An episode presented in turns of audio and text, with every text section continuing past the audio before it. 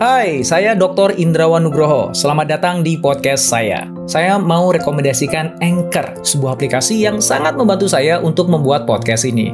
Layanan Anchor itu gratis dan kamu bisa download di App Store atau Play Store atau bisa juga diakses di websitenya www.anchor.fm. Yuk, mangga dicoba.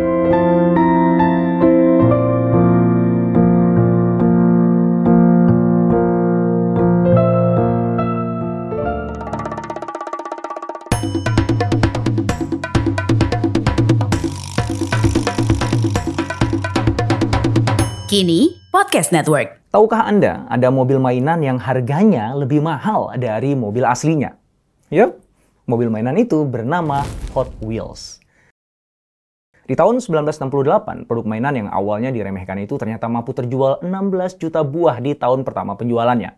Lalu di tahun 2020 kemarin, sebuah mainan Hot Wheels berupa miniatur mobil Chevrolet Camaro terjual dengan harga 100 ribu US dollar atau sekitar 1,36 miliar rupiah.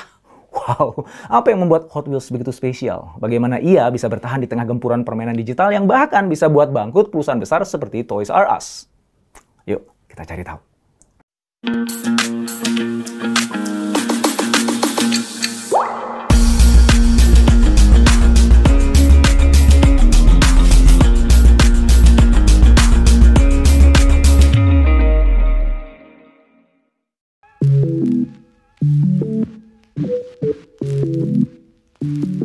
Elliot Handler lahir pada tahun 1916 di Illinois, Amerika Serikat dan menjalani masa remajanya dengan belajar seni desain. Di masa sekolahnya ini, ia berteman dengan seorang wanita bernama Ruth Mariana Musko. Kala itu, mereka berdua nggak mengira hubungan mereka itu akan berujung pada pernikahan. Dan mendatangkan sukses besar yang membuat keduanya menjadi miliarder.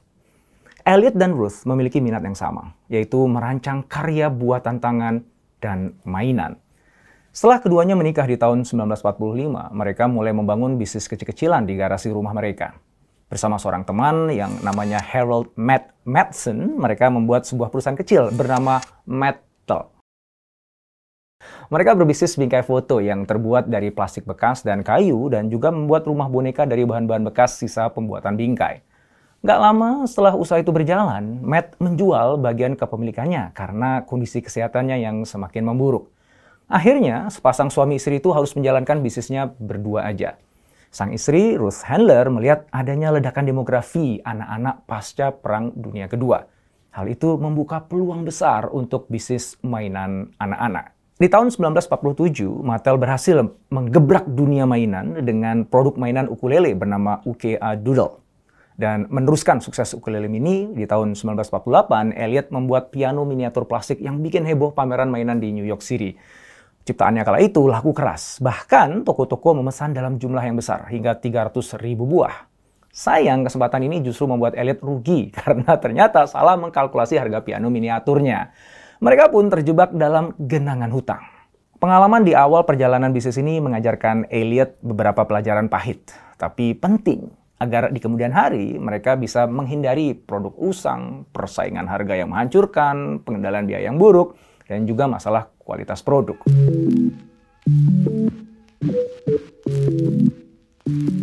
Dari dinamika naik turun, sukses gagal dari bisnisnya, Elliot menyadari bahwa bisnis yang sukses itu harus memiliki produk unik dan keunggulan yang tidak bisa disalin atau dikopi dengan mudah oleh pesaingnya.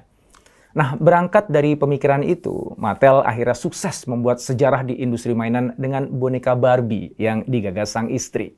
Kesuksesan itu menginspirasi Elliot Handler. Anak perempuan kan suka boneka, lalu gimana dengan anak laki-laki? Elliot memutuskan untuk membuat mainan mobil miniatur. Sebuah karya yang dalam visinya bisa dimainkan oleh anak-anak, namun juga bisa jadi barang koleksi untuk orang dewasa. Seiring dengan popularitas Mattel di industri mainan yang meningkat, pada tahun 1968 Elliot resmi mewujudkan idenya itu.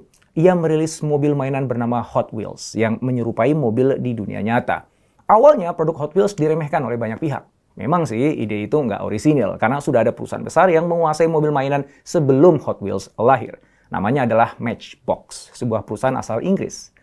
Tapi Elliot melihat kekurangan di produk Matchbox. Mobil-mobil keluarannya itu sama persis dengan mobil aslinya dan nggak ada improvement dari desain sama sekali. Selain itu, mobil mainan mereka nggak bisa digerakkan secara baik. Mekanisme rodanya tidak didesain dengan benar. Nah, dua hal itulah yang kemudian dijadikan evaluasi oleh Elliot untuk kemudian diaplikasikan ke produk Hot Wheels. Elliot berniat untuk membuat mobil mainan dengan tampilan yang radikal, memiliki suspensi, dan mampu bergerak cepat layaknya mobil balap. Edisi pertama Hot Wheels menyajikan mobil-mobil populer seperti Mustang, Volkswagen, Corvette, Cougar, dan Barracuda. Ada 16 model mobil yang dirilis oleh Hot Wheels pada kemunculan perdananya. Julukannya adalah Original 16. Beberapa menyebut sebagai Sweet 16. Koleksi ini mendapatkan tanggapan positif dari pasar. Namun tentu saja Elliot nggak puas. Ia ingin produk mobil mainannya benar-benar unik dan hebat. Maka kemudian ia membuat keputusan yang di luar nalar. Sebuah strategi yang radikal pada saat itu. Elliot mempekerjakan desainer mobil asli untuk membuat mobil mainan. Harry Bentley Brady, desainer mobil yang bekerja di General Motors, dibajak untuk bekerja di Mattel. Dan selain Harry, Mattel juga merekrut Larry Wood, perancang mobil Ford, dan Ira Guilford, sang desainer mobil Chrysler. Para desainer inilah yang membuat produk Hot Wheels menjadi kian populer. Satu hal lagi yang juga nggak diketahui oleh banyak orang. Selain desainer mobil asli, Mattel ternyata juga mempekerjakan Jack Ryan, seorang ilmuwan yang mengembangkan misil. nah, kerjaannya Jack Ryan saat itu sederhana, bukan buat Hot Wheels jadi mobil dengan senjata mematikan ya, tapi ia mendesain mekanisme canggih yang dimiliki Hot Wheels, yaitu komponen roda berteknologi tinggi yang disematkan ke setiap mobil mainannya. Hai, sebelum kita lanjut podcastnya, kamu sudah pernah dengar Anchor kan? Anchor adalah all-in-one podcast editing platform yang saya gunakan untuk rekaman, edit suara, tambah lagu, dan semua hal dalam pembuatan podcast yang sedang kamu dengerin ini. Anchor bisa membantu kamu bikin podcast kamu sendiri loh. Caranya gampang, tinggal download dari App Store atau Play Store, atau bisa juga diakses di www.anchor.fm. Download Anchor sekarang ya.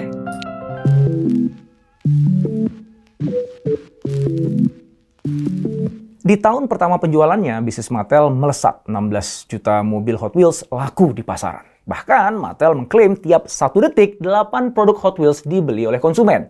Hasil penjualan tiap tahun tidak pernah turun secara signifikan, bahkan cenderung konsisten. Mattel terus berinovasi pada Hot Wheels. Namun ya namanya bisnis ya, nggak selalu yang dilakukan Hot Wheels itu berjalan sesuai dengan harapan. Mereka tuh pernah hanya meluncurkan 7 desain mobil aja dalam satu tahun, yaitu di 1972, dan 24 model di 1973 angka yang cukup rendah untuk Mattel. Mattel kemudian melengkapi inovasi Hot Wheels dengan membuat trek dari plastik. Trek ini membuat para kolektor mobil mainan Hot Wheels dapat melakukan adu balap.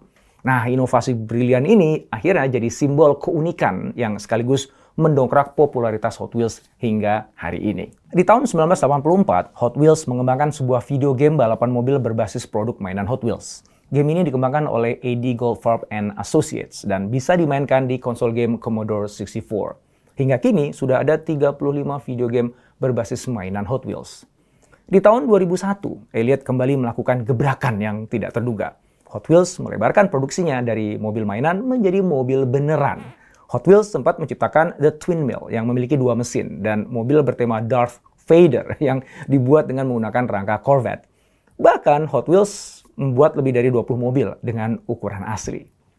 Selain itu, di tahun 2003, untuk merayakan ulang tahun yang ke-35, Hot Wheels membuat film animasi komputer dengan judul Hot Wheels Highway 35 World Race. Mattel juga rela menggelontorkan dana besar untuk menyebarluaskan pengaruh Hot Wheels dalam kehidupan konsumen. Pada tahun 2010, Mattel sudah menghabiskan 10 juta dolar AS untuk biaya promosi. Nah, dengan strategi itu, pasar Hot Wheels menjadi semakin luas. Kini Hot Wheels tidak hanya dimainkan oleh anak-anak, tapi juga oleh pria dewasa. Sejak awal peluncurannya di tahun 1968, sudah ada 4 miliar unit Hot Wheels yang dibuat. Nah, jika semuanya tuh dari semua Hot Wheels yang sudah diproduksi itu dijejerkan, konon bisa melingkari bumi sebanyak 4 kali.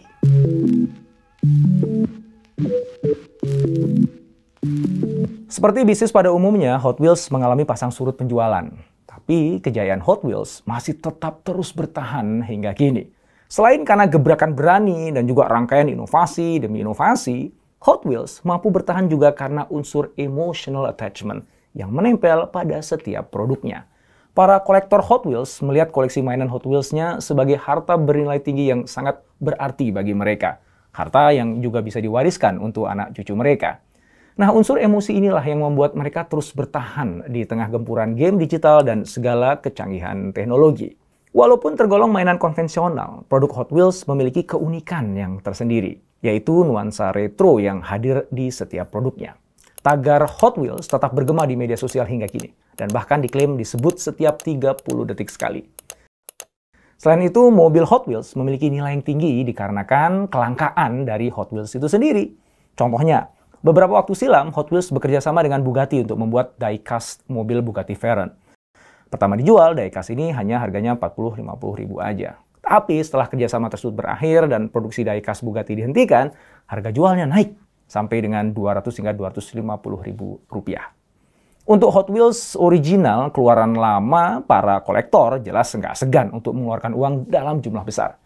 Tahukah Anda ada seorang kolektor Hot Wheels yang sudah mengeluarkan uang lebih dari 13 miliar rupiah hanya untuk membeli mobil mainan Hot Wheels? Yap, namanya Bruce Pascal. Pria kelahiran 1961 asal Amerika Serikat itu dijuluki sebagai King of Hot Wheels karena sudah mengkoleksi mainan Hot Wheels sejak usia 7 tahun. Dia punya 3.500 Hot Wheels di rumahnya dan semuanya diasuransikan. Salah satu Hot Wheels yang termahal yang dia miliki harganya 2 miliar rupiah. Produk itu cuma ada dua di dunia. Nah, orang-orang seperti Bruce Pascal inilah yang kemudian membuat popularitas Hot Wheels jadi tidak lekang termakan zaman. Hot Wheels tidak hanya berupa sebuah mainan, melainkan sebuah karya yang memiliki nilai emosional yang tinggi bagi pelanggannya. Walau Hot Wheels kini telah menjadi perusahaan mainan nomor satu di dunia, versi standar dari mainan itu tidak pernah mengalami kenaikan harga. Nah, itu spesial tuh. Mobil Hot Wheels dijual tidak lebih dari 1 dolar semenjak tahun 1968. Hebat ya? Nah, bagaimana menurut Anda? Apa hikmah yang Anda dapat dari kisah Elliot dengan Hot Wheels-nya ini?